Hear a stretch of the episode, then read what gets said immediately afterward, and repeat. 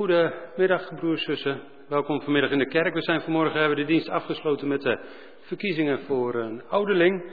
En uh, we willen jullie uh, bekendmaken hoe de uitslag is. Uh, er is een dia van. we hebben 118 stembriefjes binnengekregen, waarvan één ongeldig was. Dat maakt dat we 817 geldige stembriefjes hebben. Uh, we hebben 45 stemmen gekregen op zuster Tanja Langevoort en 54 op zuster Marjook van Velen. En 18 stembriefjes waren blanco. Dus dat betekent dat de kerkraad zuster eh, Marjook van Velen zal benoemen als uh, ouderling. Uh, mocht u bezwaren hebben tegen de gang van zaken, dan kunt u dat tot dinsdag 19 december 5 uur kenbaar maken bij de Scriba. En dan wil ik bij deze de vergadering sluiten. Goeie dienst allemaal.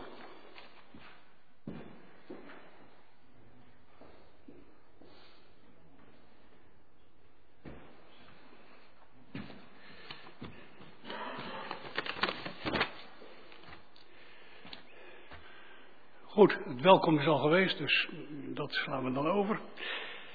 De tweede zondag van Advent. De heilige doop is aangevraagd door broeder Peter en zuster Gerdien van der Linden voor een dochter Joelle. De doodbeziening zal de plaatsvinden volgende week zondag 17 december in de morgendienst. Als aan de woensdag 13 december wordt er een kerstzing-in georganiseerd hier in de Schuilhof. deze zing-in begint s'avonds om 19.30 uur, dus half acht s'avonds. En u wordt hiervoor harte, van harte uitgenodigd. Zuster Marjolein Wolf heeft haar benoeming in het ambt van jeugdouderling aangenomen. En de bevestiging zal op een nog nader te bepalen datum plaatsvinden. In deze dienst gaat voor dominee Kees Smit uit Lelystad. Welkom. We wensen elkaar een gezegende dienst.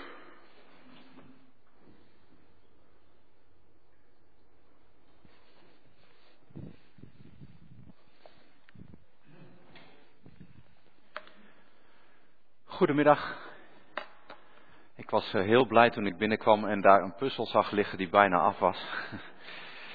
ja, nou die gaten die wordt vast ook wel gevuld op de een of de andere manier. Ik heb er stiekem wat, nee is niet stiekem, ik heb er wat foto's van gemaakt, maar die zal ik alleen voor eigen gebruik uh, bestemmen. Wij mogen ook vanmiddag weten dat onze God degene is die ons hier samenroept. En dat Hij ook degene is die ons de moed en de kracht geeft om door te gaan in het volgen van Jezus Christus, zijn Zoon. En dat willen we samen ook zingend beleiden. Zullen we erbij gaan staan?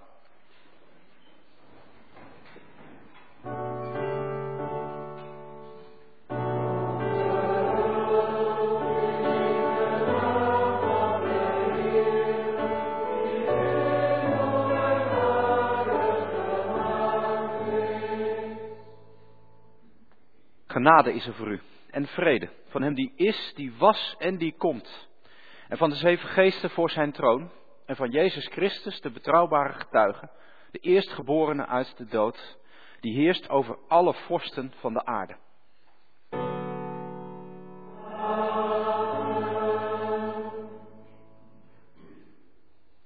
Ook vanmiddag gaat het woord van onze God open. We zullen ook lezen uit de catechismus, uit een leidenisgeschrift. Maar als inleiding daarop zingen we samen, Heere Jezus, om uw woord zijn we hier bijeengekomen.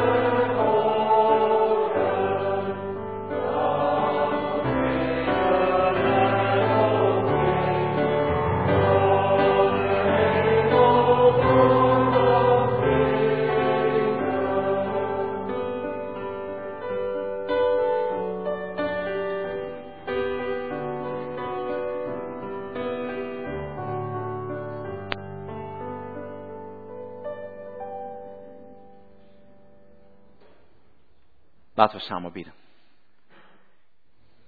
Heer, trouwe God, Vader in de hemel. We danken u dat u degene bent die ons roept. En dat u het goed met ons voor hebt. Heer, u bent naar ons toegekomen om ons de waarheid te vertellen. En die waarheid is in het begin zeer ongemakkelijk. Want die waarheid heeft alles te maken met de staat waarin wij mensen onszelf en als gevolg daarvan heel de schepping hebben gebracht, namelijk van u vervreemd. Maar tegelijk is uw komst voor ons ook een teken dat u daar niet in berust. Dat u niet wilt leven met mensheid die op afstand is van u, die u de rug heeft toegekeerd. U hebt alles gedaan om ons weer om te draaien naar u toe. En Heer, we danken u dat we in deze adventstijd ook daar naartoe mogen leven, naar het feest van de komst van Jezus Christus, uw Zoon, te midden van ons. Ja, Heer, en zo ver als u daarin bent gegaan, dat is bijna onvoorstelbaar. Als het niet echt was gebeurd, dan zouden we dat niet kunnen geloven. Dan zou niemand dat kunnen verzinnen. Dat een God die zo machtig is, die het heelal heeft geschapen en alle sterren bij naam kent, zichzelf zo klein maakte als een mensenkind. Kwetsbaar, in doeken gewikkeld. Heer, we willen u bidden, geeft u dat deze periode waarin we uitkijken naar de komst van uw zoon op aarde, tegelijk ook een tijd is van verwachting voor de komst van uw zoon aan het eind van de tijd. Want ook dat heeft u beloofd. En net zoals u uw eerste belofte hebt waargemaakt, hebt uit laten komen, in de komst van Jezus Christus in Bethlehem, zo vertrouwen we er volledig op dat ook uw belofte van die tweede komst uit gaat komen. En hier omdat we niet weten wanneer dat zal zijn, bidden we u om uw Heilige Geest. Zodat Hij ons kan helpen om daar elke dag voor klaar te staan. Elke dag verlangend en verwachtend uit te kijken naar de komst van uw Zoon. Heer, dat betekent dat we in de tussentijd hier op aarde nog het nodige te doen hebben. Dat we onszelf laten voeden door uw woord. En ook dat we het doorgeven aan anderen. Omdat we merken dat veel mensen om ons heen de band met u nog steeds niet terug hebben gevonden. Nog steeds van u vervreemd zijn. En Heer, zo geeft u ons ook een taak in deze wereld. Een taak om mensen duidelijk te maken dat u zelf zichtbaar bent geworden in uw eigen zoon. En dat u daarmee uw hart hebt laten spreken. Heer, geeft u ons die liefde voor u, zodat we wel willen getuigen van u, omdat u zo groot en machtig bent en zo wonderbaarlijk goed. En tegelijk ook de liefde voor mensen, die we gunnen wat we zelf van u mochten ontvangen. U zo ook vanmiddag bij ons en sterkt u ons in het geloof wat we krijgen door de Heilige Geest. Dat bidden we u om Jezus wil. Amen.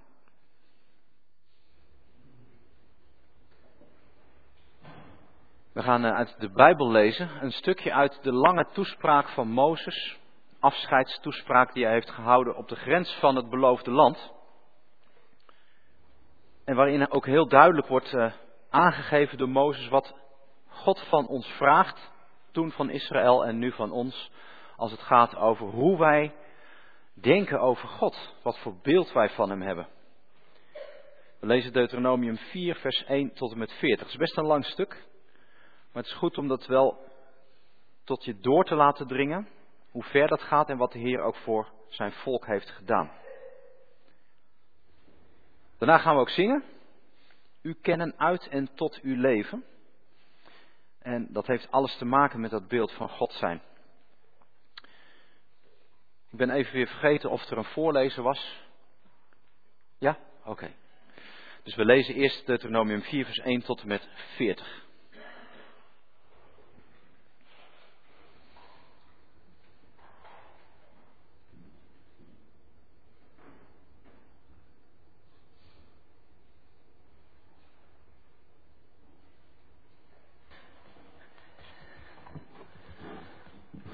Deuteronomium 4 vanaf vers 1. Luister dus, Israël, naar de wetten en de regels waarin ik u onderwijs en kom ze na. Dan blijft u leven en kunt u in het land in bezit nemen dat de Heer, de God van uw voorouders, u zal geven. Voeg niets toe aan wat ik u voorschrijf en doe er niets van af. Houd u aan de geboden die ik u geef. Het zijn de geboden van de Heer uw God. U hebt met eigen ogen gezien wat de Heer in Baal Peor heeft gedaan. Iedereen die zich met de Baal van de Peor had afgegeven, heeft hij uit uw midden weggevaagd. U daarentegen bleef de Heer uw God toegedaan en bent nu allemaal nog in leven. Zoals de Heer mijn God mij heeft opgedragen, leer ik u wetten en regels waarna u moet handelen in het land dat u in bezit zult nemen. Leef ze strikt na, dan toont u wijsheid en inzicht. Alle volken die dat zien en van deze wetten horen, zullen zeggen, wat is dat, grote volk, wijs en verstandig. Want welk volk, hoe groot ook, heeft Goden zo dichtbij als wij, de Heer onze God, telkens als wij Hem om hulp roepen? En welk volk, hoe groot ook, heeft wetten en regels zo rechtvaardig als het onderricht dat ik u nu geef? Wees gewaarschuwd en neem u zorgvuldig in acht, zodat u nooit vergeet wat u met eigen ogen hebt gezien. Hou het leven lang in gedachten en geef het door aan uw kinderen en kleinkinderen. Vertel ze hoe u bij de Horeb voor de Heer uw God verscheen, nadat hij tegen mij had gezegd, roep het volk bijeen, dan maak ik hun mijn geboden bekend. Dan leren ze ontzag voor mij te hebben, zolang ze leven, en brengen ze dat ook hun kinderen bij. Op die dag naderde u de voet van de berg, waaruit vuur hemelhoog opvlamde, te midden van duisternis en donkere wolken. Toen sprak de Heer tot u vanuit het vuur. U hoorde een stem spreken, maar een gedaante zag u niet. Er was alleen die stem. Hij maakte u de regels van het verbond bekend, de tien geboden. Hij schreef ze op twee stenen platen en eiste dat u zich daaraan zou houden. Mij droeg de Heer toen op om u de wetten en regels te leren die u moet nakomen in het land aan de overkant, die u in bezit zult nemen. Maar aangezien u geen, gedag, geen gedaante hebt gezien, toen de Heer u op de Horeb vanuit het vuur toesprak, moet u zich zorgvuldig in acht nemen. Misdraag u niet door een godenbeeld te maken, een afbeelding van welk wezen dan ook, man vrouw, of van een dier dat op het land leeft, of van vogels in de lucht, van kruipende dieren of van vissen in het water onder de aarde. En als u omhoog kijkt en de zon, de maan en de sterren ziet, al die lichten aan de hemel, laat u er dan niet toe verleiden daarvoor neer te knielen en te vereren, want de Heer uw God voor de andere volken op aarde heeft bestemd. Want u bent door de Heer uitgekozen en uit de smeltoven van Egypte weggehaald om hem als zijn eigen volk toe te behoren, zoals nu het geval is. Door uw schuld is de Heer kwaad op mij geworden. Hij zwoer dat ik de Jordaan niet zou oversteken en het goede land niet binnen zou gaan, dat hij u als grondgebied zou geven. Ik moet hier sterven. Ik zal de Jordaan niet oversteken, maar u mag wel oversteken en dat goede land in bezit nemen. Zorg er dan voor dat u het verbond dat de Heer uw God met u heeft gesloten niet vergeet en dat u niet tegen zijn gebod in een godenbeeld en een godenbeeld maakt, een afbeelding van wat dan ook. Want de Heer uw God is een verterend vuur, hij duldt geen ontrouw. Als u eenmaal in dat land geworteld bent en er kinderen en kleinkinderen hebt gekregen en u gaat u misdragen door een godenbeeld te maken, een afbeelding van wat dan ook, en u zegt tegen de Heer uw God, door te doen wat slecht is in zijn ogen, ik roep vandaag de hemel en de aarde op, als getuige tegen u, dat u dan spoedig zult worden verdreven uit het land aan de overkant van de Jordaan, dat u in bezit zult nemen. Daar zal u dan geen lang leven beschoren zijn. Integendeel, u zult worden weggevaagd.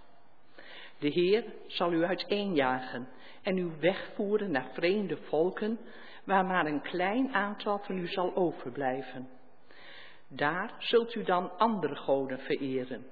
Goden van hout en van steen, door mensen gemaakt, goden die niet kunnen horen en zien, niet eten en niet ruiken, maar tenslotte zult u de Heer uw God weer zoeken en hem ook vinden, als u hem met hart en ziel zoekt. Wanneer dit alles u overkomt, zult u in uw nood uiteindelijk terugkeren naar de Heer uw God en naar hem luisteren.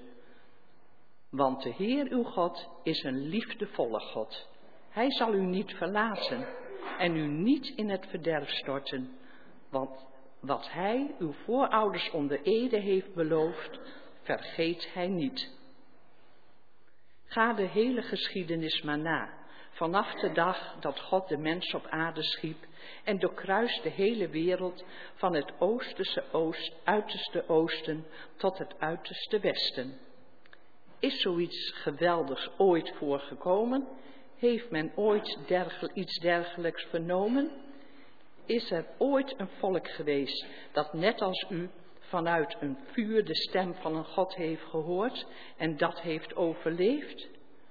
Is er ooit een God geweest die het heeft aangedurfd zich een volk toe te eigenen waarover een ander volk macht uitoefende en die dat deed met grootse daden, met tekenen en wonderen en strijd, met sterke hand en een opgeheven, opgeheven arm en op angst aanjagende wijze, zoals u met eigen ogen de Heer, uw God, in Egypte hebt zien doen? U bent er getuige van geweest, opdat u zou beseffen dat alleen de Heer God is. Er is geen ander naast hem. Vanuit de hemel heeft hij zijn stem laten horen om u te onderrichten. En op aarde heeft hij u dat grote vuur laten zien en vanuit het vuur zijn geboden bekendgemaakt. De Heer heeft uw voorouders lief gehad en hun nageslacht uitgekozen. En hij zelf heeft u met zijn grote macht uit Egypte bevrijd en ter wille van u volken verdreven, die groter en machtiger waren dan u, om u hun land binnen te leiden en het u in eigendom te geven, zoals dat nu gebeurt. Wees er daarom van bewust en laat goed tot u doordringen dat alleen de Heer God is, boven in de hemel en hier beneden op aarde, een ander is er niet.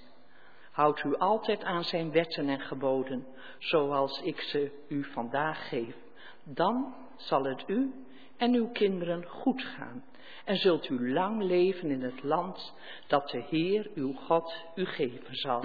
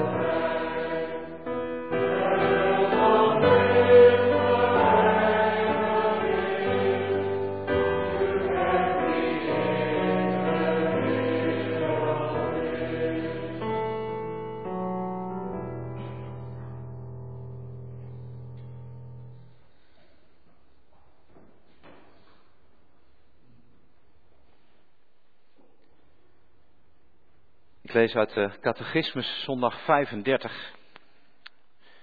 Daar staat als eerste in vraag 96, wat eist God in het tweede gebod? Dat wij God op geen enkele manier afbeelden en Hem op geen andere wijze vereren dan Hij in Zijn woord bevolen heeft. Mag men dan helemaal geen beelden maken? God kan en mag op geen enkele manier afgebeeld worden.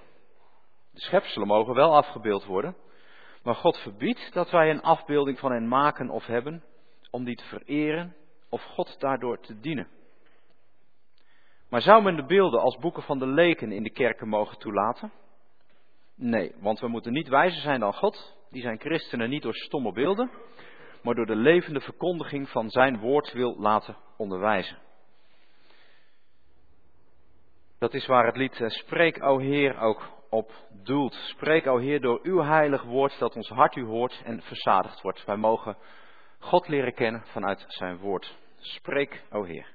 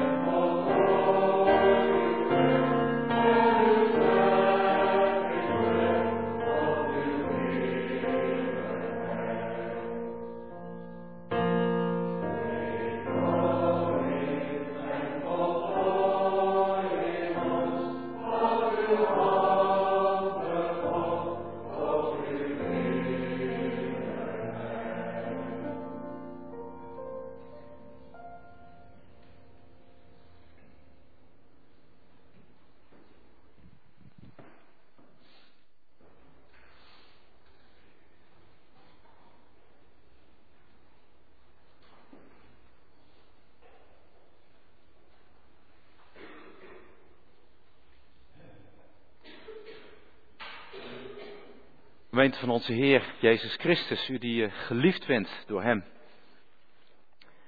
God is onzichtbaar. En dat is lastig. Het is niet zo gek dat je als mens dan de vraag als vanzelf opvoelt komen. Als God onzichtbaar is, is Hij er dan wel? Want wij zijn zo gewend om op onze ogen te vertrouwen. Eerst zien, dan geloven.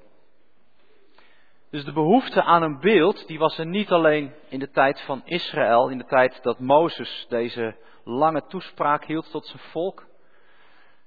Ik denk dat hij er in onze tijd net zo goed is. Sterker nog, zoals we hier zitten, ieder van ons heeft wel een bepaald beeld van God. Een denkbeeld is ook een beeld. En daar zitten soms uitersten bij. Bijvoorbeeld het uiterste van iemand die als een strenge politieagent oplet of je wel goed bezig bent en je houdt aan alle regels die er zijn. Of juist het beeld van iemand die alles wat je doet wel goed vindt en vol liefde naar je kijkt en eigenlijk nooit ja, je ergens op zal aanspreken. Nou, die beide beelden liggen best wel een heel eind uit elkaar. En zodra je een van die beelden ja, tot jouw eigen beeld van God maakt, dan gaat het maar zo fout. Ik kan me herinneren dat er op een bepaald moment een campagne was, ik dacht van de uh, Remonstrantse kerk, het Remonstrantse genootschap, waarbij er allemaal posters waren en daar stond er boven, mijn God, en dan kwam er een zinnetje, uh, mijn God houdt van homo's bijvoorbeeld. Uh, mijn God uh, oordeelt niet. Mijn God maakt geen onderscheid. Mijn God. Nou, zo waren er allerlei zinnetjes. En, en dan krijg je de indruk dat je dus blijkbaar ruimte mag voelen om mijn God, jouw God, op je eigen manier te definiëren, in te vullen. En hoe waar misschien een heleboel van die uitspraken op die poster ook waren. Ik geloof ook dat God houdt van homo's bijvoorbeeld. Hoe waar die uitspraken ook waren, er zit een risico in. Een niet denkbeeldig risico, namelijk dat je gaat denken: uh, oké, okay, jij hebt jouw God, ik heb mijn God. En het is eigenlijk een beetje een soort van keuzemenu. Uh, ik klik een aantal dingen aan die vind ik passen bij mijn God. En, en die God wil ik dan dienen.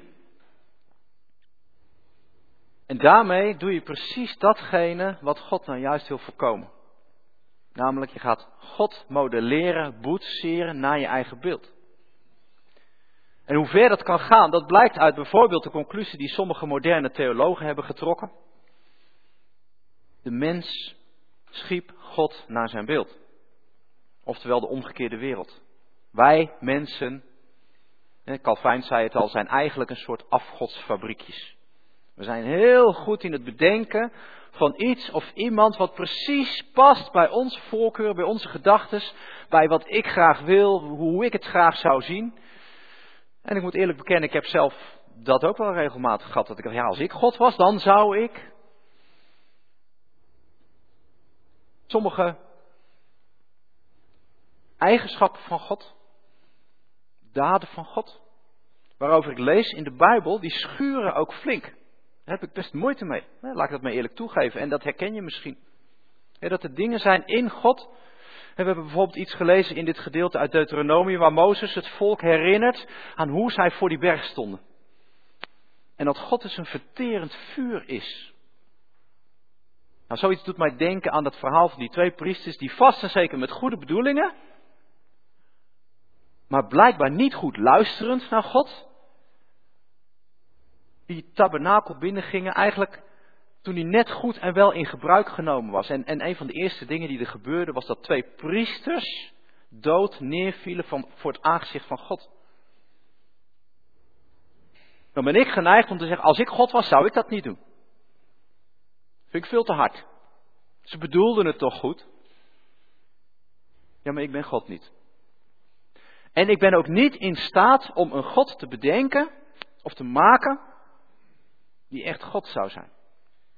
Elk product van mijn fantasie, elk product van mijn handen, van mijn hart, van wat dan ook, is menselijk en klein en dus doet totaal geen recht aan de grootheid en de macht en de majesteit van onze God. God is een werkelijkheid, en, en zelfs het woord werkelijkheid vind ik eigenlijk te plat, maar God bestaat echt volledig in zichzelf. Hij omvat alles. Heel de schepping is uit zijn handen voortgekomen. En op elk moment dat wij gaan denken dat we wel een beeld van hem kunnen maken, ja, dan gaat het mis. Want dan maken we hem klein en dan proberen we hem als het ware in onze greep te krijgen. Toegegeven, ik zou God ook wel willen zien. Ik vind het echt ingewikkeld dat hij onzichtbaar is. Tegelijk vind ik het ook spannend. Dat heeft te maken met de visioenen in de Bijbel, maar ook met die gebeurtenis bij de berg waar hij een en al vuur was. Dat betekent dat als je God graag wil zien, dat je je ook moet afvragen, oei, kan ik dat wel aan? Er zijn gelukkig bijbelse beelden. bijbelse beelden die helpen om in ieder geval ja, stukjes van wie God is, zoals hij zichzelf bekend maakt, om er toch iets van te vatten. Hij, hij presenteert zichzelf als een sterke rots. Een sterke rots waar je toevlucht kunt zoeken. Hoger dan het omringende gebied. Waar je bijvoorbeeld zou kunnen schuilen voor het water. Denk aan de gelijkenis die Jezus later vertelt over een huis op de rots. Maar ook gewoon tegen vijanden. Je bent daar veilig, ze kunnen je niet zomaar bereiken. Hij beschermt je. God is licht. Nou, kijk naar al het licht om ons heen. Als hier ineens de stroom uitvalt, zitten we echt in het donker. En dat is al moeilijk. Maar gewoon het licht, ook in de brede betekenis van het woord. Alles wat goed is, wat mooi is. Maar ook gewoon heel, heel letterlijk het licht voor onze ogen. Dat komt dus bij God vandaan. God is vuur. Hij kan ons verwarmen. Ja, en als je te dichtbij komt, wordt het ook gevaarlijker. Hij is een herder. Hij is iemand die zijn schapen opzoekt, ze verzamelt, ze naar een plek toe brengt waar het goed is. En ze daar laat eten en laat drinken. En hij gaat op zoek als we te ver afdwalen. Ja, misschien krijg je dan wel eens een tik, omdat je de verkeerde kant op gaat. En hij is onze vader. En juist Jezus heeft ons geleerd dat we hem zo mogen aanspreken. Ik ben blij met die Bijbelse beelden. En misschien heeft, uh, hebben de opstellers van de catechismus dat een beetje over het hoofd gezien. Zo komt het bij mij wat over. Met een best wel hele strenge antwoord op die derde vraag die we net lazen. En dat je ook geen beelden als, als boeken van de leken, hè, zeg maar de analfabeten van die tijd. God reik, uh, uh, reikt onszelf in zijn woord wel degelijk beelden aan. Heel concrete beelden die helpen. Hij als adelaar bijvoorbeeld. Of als, als, als een, een hen die de kuikens onder de vleugels beschermt. En, en, zo'n beeld, dat, dat is natuurlijk veel te klein om alles van God te zeggen, maar wel iets. Het helpt.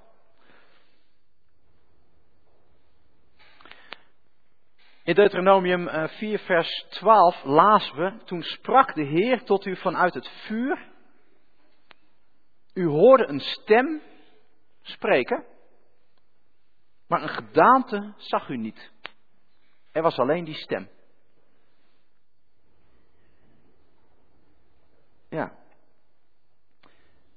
Dat is dus blijkbaar vanaf het begin zo geweest. Ik ben geneigd om nog wel eens te vergeten dat het woord van God rechtstreeks naar God zelf verwijst. Dat gaat dus over zijn stem. Een stem die toen te horen was. Een stem die voor ons opgeschreven is in een boek.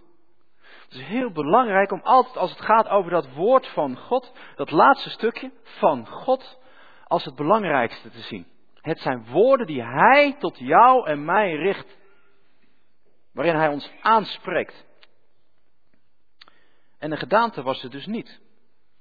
En dat is niet flauw, maar dat was om ons te beschermen. Een beetje zoals je ook niet met blote handen kunt proberen om de bliksem op te vangen of zo. En dat overleef je niet, normaal gesproken. Het is bijzonder dat even later er ook een soort opsomming komt van uh, waar wij dan allemaal geen beeld van mogen maken. En ik lees dat even. Kijken of het goed gaat met klikken. Ja. Toen sprak de Heer tot u vanuit het vuur. U hoorde een stem spreken, maar een gedaante zag u niet. Er was alleen die stem. En dan gaat het verder in vers 15. Maar aangezien u geen gedaante hebt gezien toen de Heer u op de hoor vanuit het vuur toesprak, moet u zich zorgvuldig in acht nemen. Misdraag u niet door een godenbeeld te maken, een afbeelding van welk wezen dan ook. En dan komt het, man of vrouw, of van een dier dat op het land leeft, of van de vogels in de lucht, van kruipende dieren of van vissen in het water onder de aarde. En als u omhoog kijkt en de zon, de maan en de sterren ziet, al die lichten aan de hemel, laat u er dan niet toe verleiden daarvoor neer te knielen en te vereren wat de Heer uw God voor de andere volken op aarde heeft bestemd. Dus geen beeld van mensen, niet van landdieren, niet van vissen, vogels, niet van zon, maan en sterren. Als je dat even op je in laat werken, dan, dan valt je heel snel iets op. Hé, hey, waar kennen we die volgorde van? Maar dan omgekeerd. Staat in Genesis, schepping. Dit gaat over de schepping. En dan in omgekeerde volgorde. Het begint bij de mens, als laatste geschapen. En dan komen die anderen, die komen ook allemaal langs. Dus eigenlijk is het alsof God wil zeggen, draai de zaak niet om. Ik ben de schepper. En de schepping komt uit mij voort. Dus ga niet proberen om omgekeerd uit die schepping mij weer tevoorschijn te halen. Zo werkt het niet. En dan ga je eigenlijk doen wat later door Paulus in Romeinen 1 wordt opgeschreven. Ze hebben de waarheid over God ingewisseld voor de leugen. Ze vereren en aanbidden het geschapene in plaats van de schepper. Die moet worden geprezen tot een eeuwigheid. Amen, zegt Paulus daarbij. Ja, en, en dat waren ze wel gewend in de tijd van Mozes, want ze kwamen uit Egypte. En hoe ging het daar? Ja, daar hadden ze natuurlijk juist wel allemaal van dat soort figuren om te vereren. Het stierkalf was eigenlijk gewoon een soort kopie van wat ze in Egypte ook deden. En zeker de hemellichaam, de zonnegod, de zon, maan en de sterren die werden vereerd, maar ook allerlei heilige dieren. Ze hadden allerlei schepselen. En later merkten ze in het land, in het beloofde land, dat ook daar de mensen gewend waren, geneigd waren om steeds een stukje uit de schepping te pakken en dat te gaan vereren. Waarom eigenlijk? Waarom deden ze dat?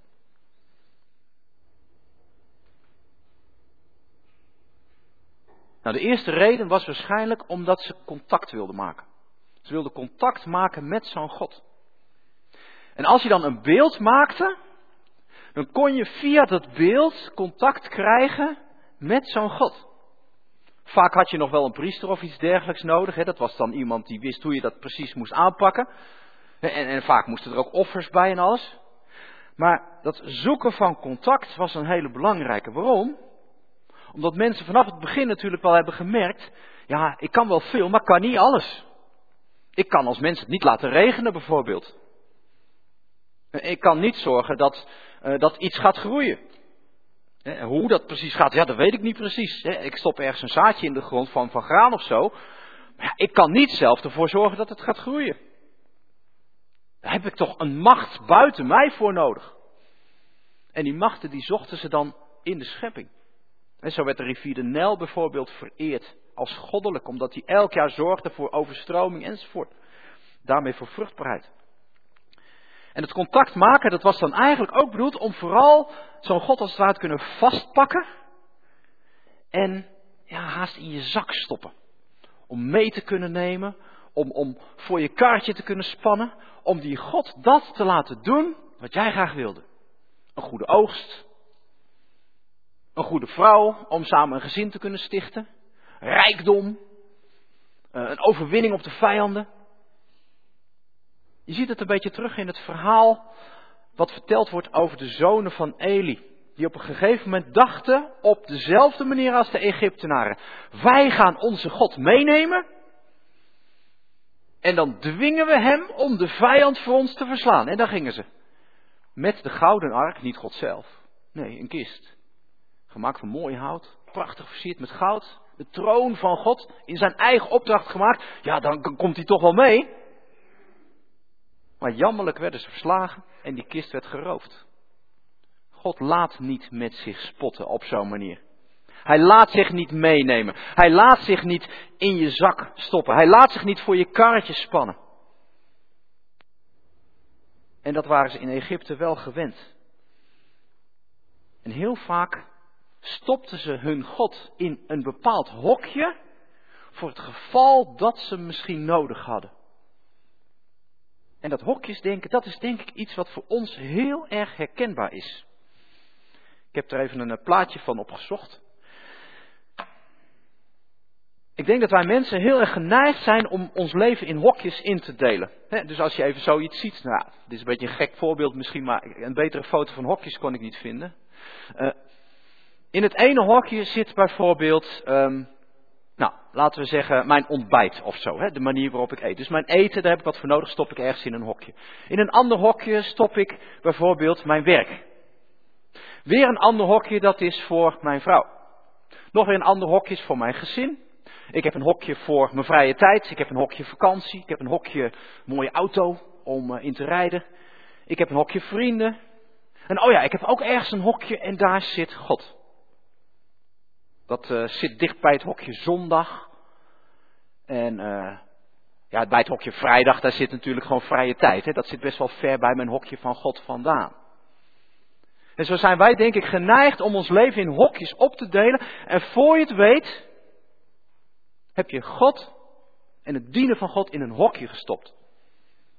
Omdat er af en toe van die momenten zijn dat je, oh ja, nou red ik het even zelf niet. Nou kan ik God wel gebruiken. Hup, tevoorschijn uit het hokje. Heere God, help me alsjeblieft met dit of dat. En het moet zus en zo. En dan ben ik weer blij met u. En als ik zo, op zo'n manier, God in een hokje van mijn leven probeer te stoppen, dan ben ik precies zo'n Egyptenaar. Ben ik precies zo iemand die een beeld maakt. Want ik wil God naar mijn hand zetten. En hoe kan dat nou? Hoe kan je nou God naar je hand zetten? Hoe zou God ooit in een hokje passen?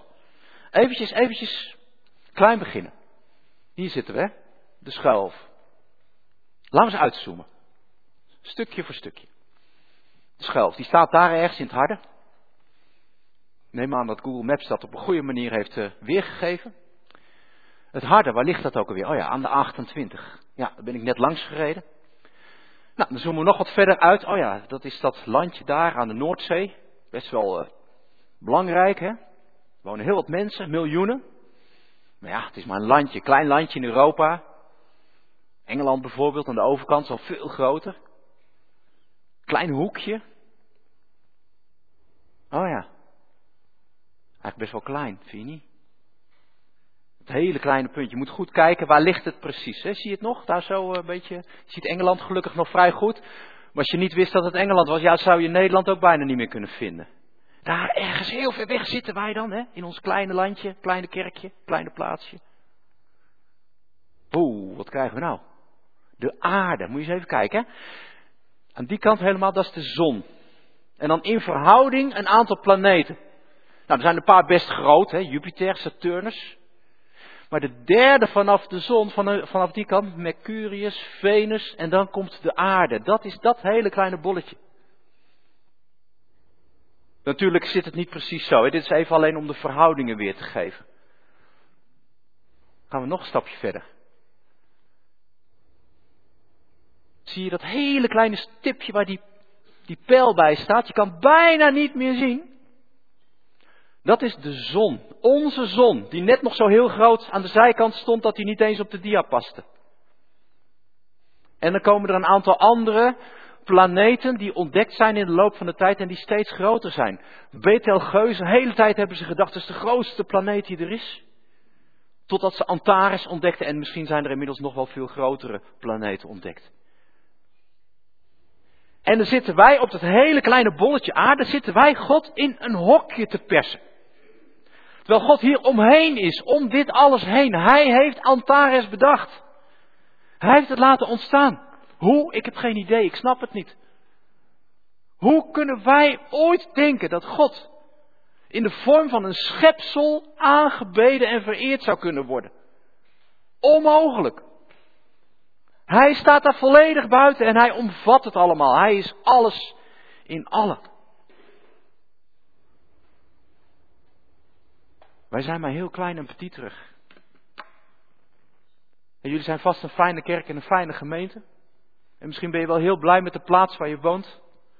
En misschien ben je er wel trots op dat je in Nederland woont. Maar ja, wat stellen we nou helemaal voor met elkaar? Als je kijkt naar heel de wereld, als je kijkt naar het heelal, als je kijkt naar God. Besef je eigen kleinheid, daar bovenuit is God. En God is niet alleen maar onzichtbaar, er is nog iets anders aan de hand. Hij is ook ja, onzienbaar, heb ik het maar genoemd. Dat is volgens mij geen goed Nederlands woord, maar onze ogen zijn ook niet eens in staat om Hem te aanschouwen. Dat zie je al aan de beschrijving van visioenen in de Bijbel. Of het nu Daniel is, of Ezekiel, of Johannes.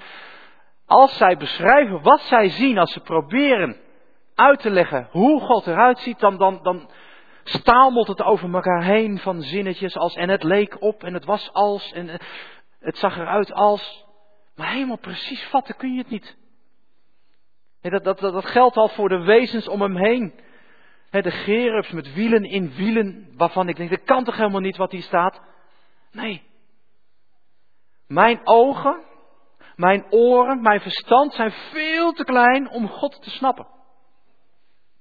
Ooit heeft iemand gezegd, als ik God zou snappen, zou God ophouden God te zijn. Want dan zou die binnen mijn denkkader passen en dan zou die eigenlijk gewoon niet meer de grote God zijn die hij werkelijk is. En het bijzondere is, hij is degene die contact zoekt. Dat zijn wij helemaal niet. Hij spreekt woorden die eeuwig leven geven. Het is niet zo dat wij op zoek zijn gegaan naar een God die we konden gebruiken om ons te helpen. Nee. God is naar ons op zoek gegaan. Hij heeft ons gemaakt. En vanaf het moment dat Adam zich afkeerde, samen met zijn vrouw, dat ze zeiden, we hebben u eigenlijk niet nodig, wij kunnen prima onszelf redden, want dat ene laatste stukje wat u wel had en wij niet, dat hebben we nu onszelf eigen gemaakt, dachten ze. Toen zei God, oh wacht eens even, maar dat gaat niet gebeuren. Die tegenstander van mij, die jullie probeert aan zijn kant te krijgen, is mijn vijand en ik maak van hem ook jullie vijand. Ik wil jullie terug. Ik wil jullie in mijn hart. Ik wil jullie in mijn leven, in mijn eeuwigheid opnemen. En hij maakt contact. Hij zoekt ons op. Niet wij hebben hem als eerste lief gehad. Hij heeft ons als eerste lief gehad. En hoe maakt hij zich bekend op een hele bijzondere manier? in zijn zoon. Wie mij heeft gezien, heeft de Vader gezien, zei Jezus Christus tegen zijn leerlingen. Wie mij heeft gezien, heeft de Vader gezien.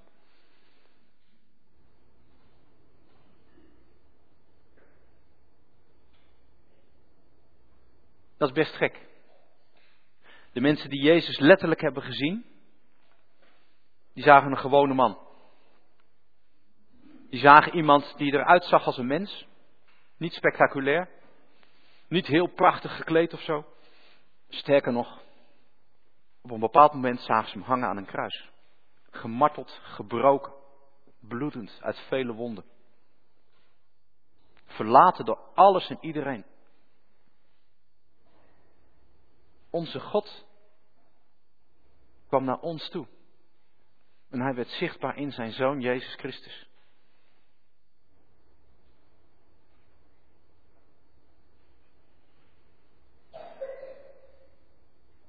In Colossense 1 staat het zo, vers 15. Beeld van God, de onzichtbare is Hij.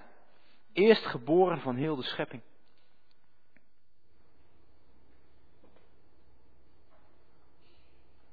Dan is het nog steeds best heel moeilijk om je voor te stellen wie God nou precies is.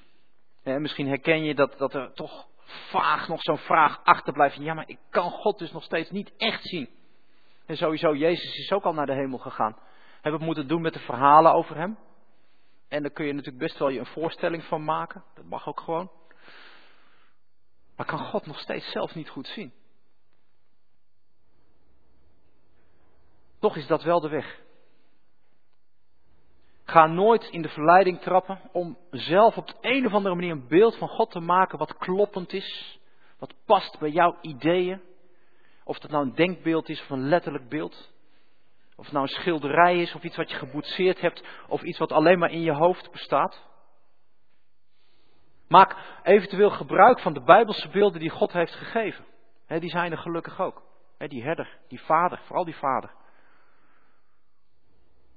Maar kijk ook vooral naar Jezus Christus. Hij is het beeld van God. Wat hij heeft gedaan in zijn leven, wat hij heeft neergezet. De statements die hij heeft gegeven. De uitspraken die hij deed. Maar vooral ook die ultieme daad van zelfopofferende liefde. Zo is God. In Hem mogen we Hem vereren. Niet met een eigen beeld. Beeld van God. De onzichtbare is Hij. Eerstgeborene van heel de schepping. In Hem is alles geschapen, alles in de hemel en alles op aarde. Het zichtbare en het onzichtbare. Vorsten en heersers, machten en kracht. Alles is door Hem en voor Hem geschapen. Hij bestaat voor alles en alles bestaat in Hem. Hij is het hoofd van het lichaam, de kerk. En dan komt hij weer dichtbij. Hij, Jezus Christus, God zelf, is het hoofd van het lichaam, de kerk. Oorsprong is hij, eerstgeborene van de doden om in alles de eerste te zijn. In hem heeft heel de volheid willen wonen en door hem en voor hem alles met zich willen verzoenen.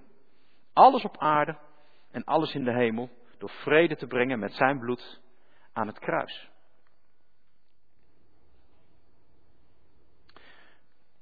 Maak geen beeld van God. Dat is de boodschap van dat gebod. Maak geen beeld van God. Er is iets anders. En dat is ontleend bijvoorbeeld aan Romeinen 8.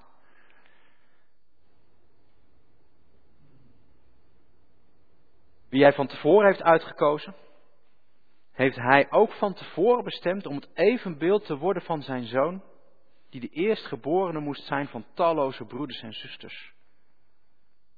Wij moeten geen beeld van God maken. We mogen een beeld van God zijn. Door naar Jezus te kijken, het beeld van de onzichtbare God. En door meer en meer op Hem te gaan lijken. Hem te zien als degene die we moeten volgen in dit leven.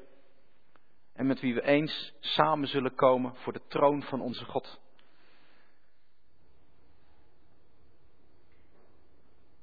Kijk en luister naar Jezus waarvan God heeft gezegd, dit is mijn geliefde zoon. In hem vind ik vreugde. Luister naar hem. Amen. Laten we zingen uit Psalm 96. Zing voor de Heer als nooit tevoren.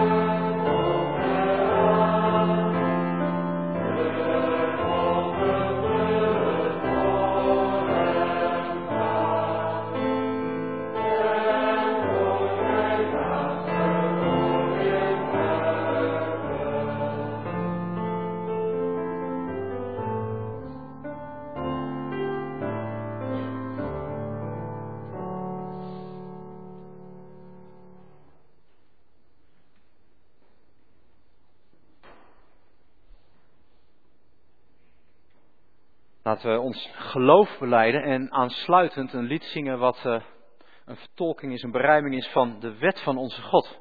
Eigenlijk is het een beetje een omgekeerde volgorde. Ik heb net gezegd, God kwam als eerste naar ons toe, zo heeft hij ons ook zijn wet gegeven. Maar ik vond het toch wel passend om het op deze manier te doen. Wij beleiden ons geloof in God.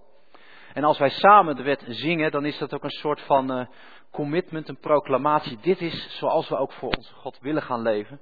En wat de Heilige Geest ook in ons mogelijk gaat maken. Ik lees uh, de geloofsbelijdenis voor, zoals die uit een uh, categorisatiemethode komt voor mensen voor wie het wat lastiger is om te begrijpen. Daar zijn plaatjes bij. En dat is misschien wat gek na een preek over dat we geen beeld van God mogen maken. Maar uh, ik wil daarmee ook wel duidelijk maken, sowieso mogen we de Bijbelse beelden die God ons aanreikt gebruiken. En ik denk dat het zeker goed is om ook symbolen te gebruiken om voor mensen die de taal minder machtig zijn, zeg maar, gewone taal, om uh, daar iets van God in aan te duiden. Wat God ons verboden heeft, is beelden gebruiken om Hem te vereren. Dus laten we dit gewoon zien als beeldtaal. En zo dus eigenlijk voor een bepaalde groep mensen ook de woorden waarmee we ons geloof kunnen uiten. Zullen we voor zover we dat kunnen daarbij gaan staan? En ik stel voor dat we dan ook bij het zingen van het lied blijven staan. Ik geloof in God de Vader. God heeft de hemel en de aarde gemaakt en God die kan alles. Ik geloof in Jezus Christus, de Heer. Jezus is de Zoon van God. Maria is zijn moeder en daar zorgde de Heilige Geest voor. Pilatus gaf Jezus de doodstraf. Jezus werd aan het kruis gehangen. Hij kreeg daar de straf van God. Jezus is gestorven en begraven. Op de derde dag is Jezus opgestaan. En Jezus is naar de hemel gegaan en hij zit als koning naast God. Jezus komt terug. Dan is hij de rechter over alle mensen. Ik geloof in de Heilige Geest. Hij brengt mensen samen in de kerk. God vergeeft de zonde.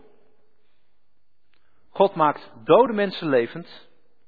En God geeft eeuwig leven. Amen. Laten we zingen, wij kiezen voor de vrijheid.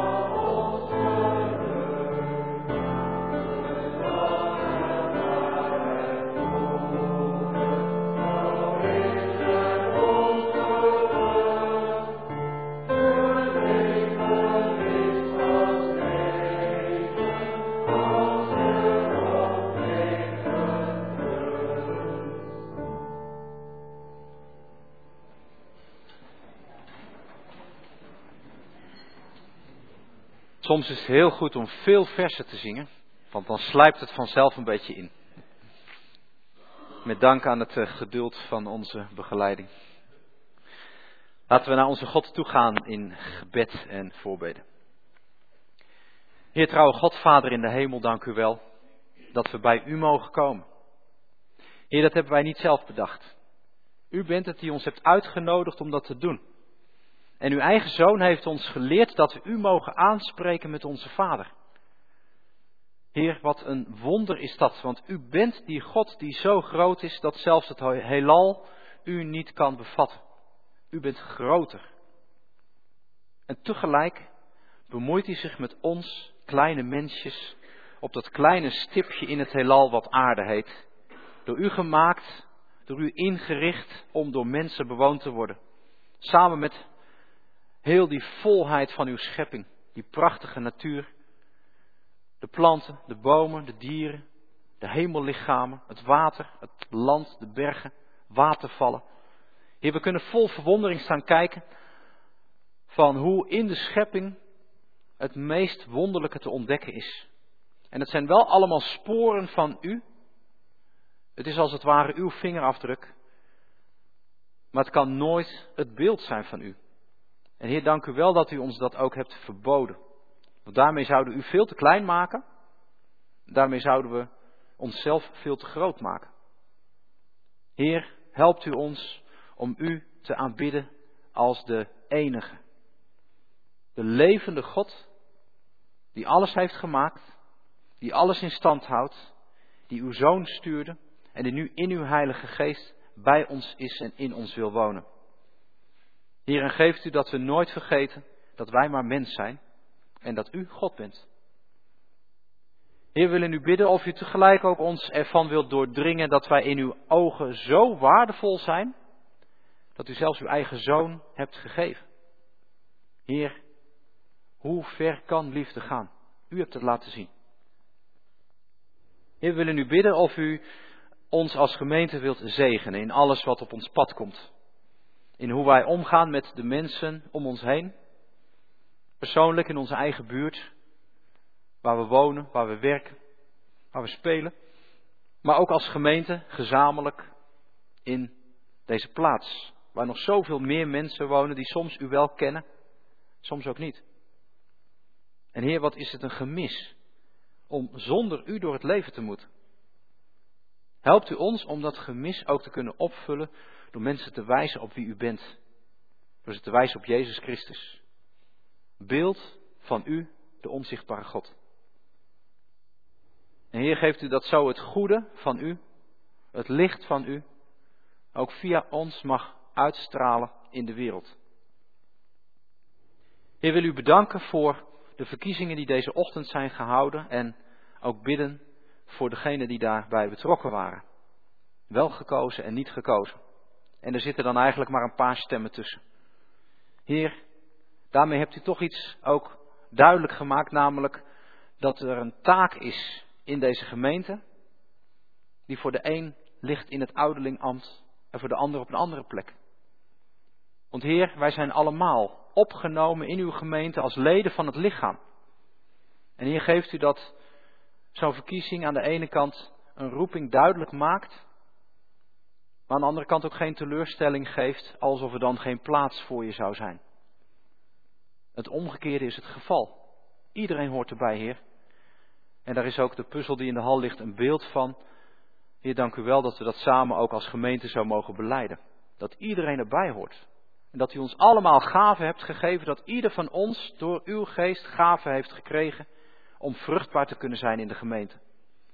En geeft u dat we ook niet het een boven het ander gaan stellen, maar dat we juist de waardering hebben voor ieder die op zijn of haar manier een eigen plekje heeft, een onmisbaar plekje in deze gemeente.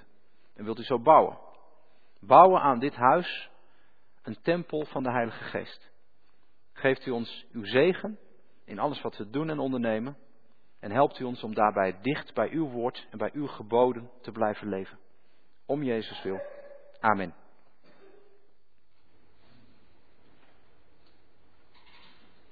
Er is gelegenheid voor de collecte. En als slotlied gaan we daarna nog zingen, Grote God, wij loven u. De Heer zegene uw gaven.